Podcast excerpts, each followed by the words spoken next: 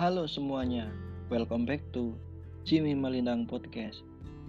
Apa-apa yang dibahas mahasiswa tentang dunia pendidikan men. Oke, pada episode ke-6 ini gue bakal ngebahas tentang lanjut S2 atau kerja. Sebelum membahas yang lebih dalam, gue bakal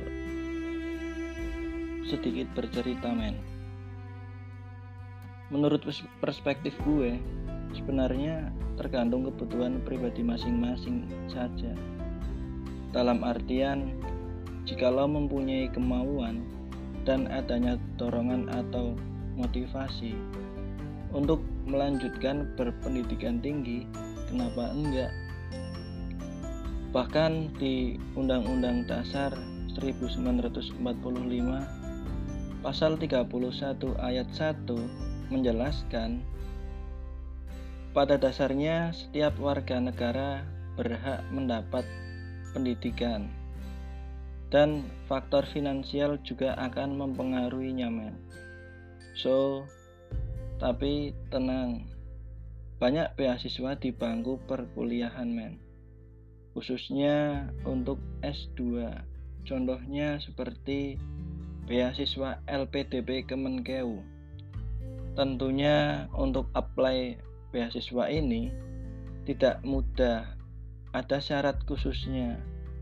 Salah satu di antaranya adalah memiliki sertifikat resmi kemampuan bahasa Inggris yang masih berlaku dan diterbitkan diterbitkan oleh IELTS atau lembaga bahasa Arab khususnya TUIFL dengan ketentuan sebagai berikut. Pendaftar program magister dalam negeri skor minimal kemampuan bahasa Inggris TOEFL ITB 500 TOEFL IBT 61 IELTS 6,0 TIUX 630 atau TUIFL 500 bagi program studi atau perguruan tinggi Islam yang mensyaratkan TOEFL sebagai syarat masuk.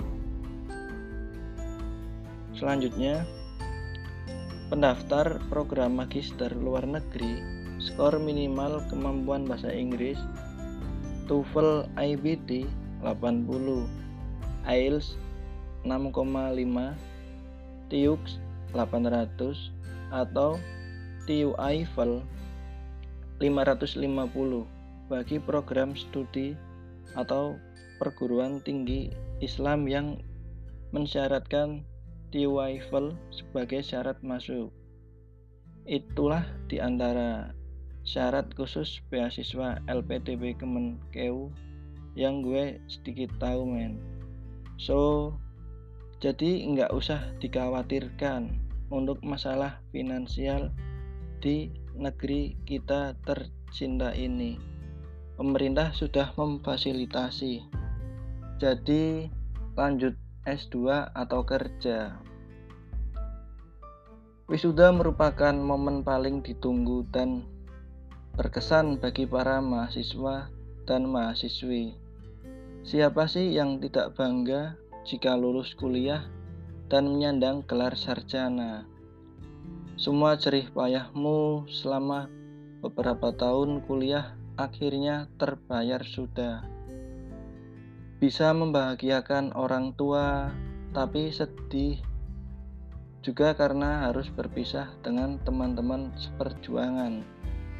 E, euforia ini akan terus berlangsung sampai beberapa minggu setelah wisuda. Setelahnya, kamu akan mulai dihantui dengan pertanyaan pertanyaan seperti ini. Setelah wisuda, mau ngapain? Ingin melanjutkan pendidikan ke tingkat yang lebih tinggi atau langsung mencicipi dunia kerja. Banyak yang bilang lanjut kuliah saja karena otak masih fresh dan semangat tetap ada. Namun, banyak pula yang beranggapan bahwa lebih baik terjun langsung di dunia kerja untuk mencari pengalaman terlebih dahulu. Lu juga pasti mengalami kegalauan-kegalauan seperti ini. Pekerjaan impian memberi syarat pengalaman kerja minimal sekian tahun. Pengalaman apa yang akan kamu tunjukkan pada pihak perekrut? Lalu lulus bareng-bareng, lamar kerja pun bareng-bareng tentunya.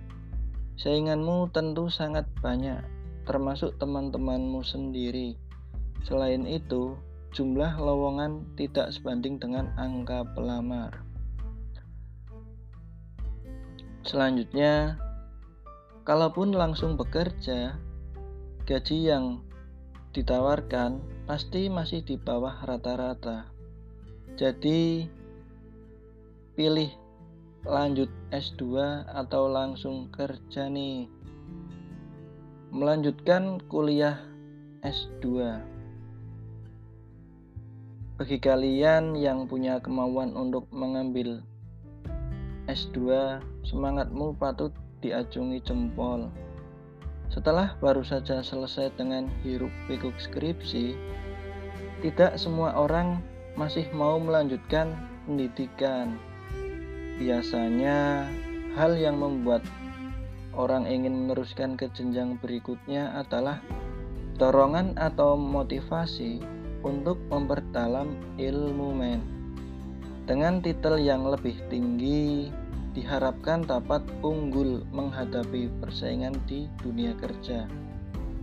Pilihan ini tentu butuh usaha yang lebih ekstra tentunya, baik komitmen, kondisi finansial, dan mental kembali digempur tugas segudang yang lebih menantang dibanding jenjang sarjana.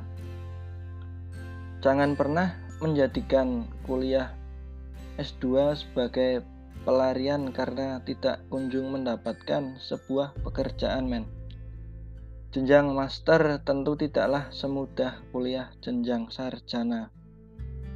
Pada jenjang sarjana, kamu lebih banyak belajar tentang teori dan ilmu-ilmu dasar. Dengan demikian, yang kamu lakukan di kelas lebih banyak mendengarkan materi yang disampaikan oleh dosen men. Hal tersebut tentunya berbeda dengan kuliah pasca sarjana. Di dalam kelas, kamu akan lebih banyak berdiskusi dan mempelajari studi kasus dengan teman sekelasmu. Dosen hanya bertugas memoderasi diskusi tersebut karena yang dipelajari jauh lebih dalam dan detail. Kemudian di semester akhir, aktivitas akan lebih terfokus pada kegiatan riset.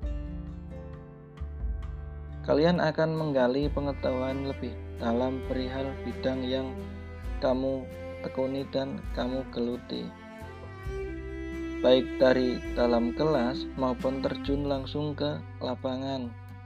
Di masa riset ini, kalian memiliki kesempatan besar untuk bekerja bersama dosen untuk menyelesaikannya. Intinya, pendidikan di tingkat master mempersiapkanmu untuk dapat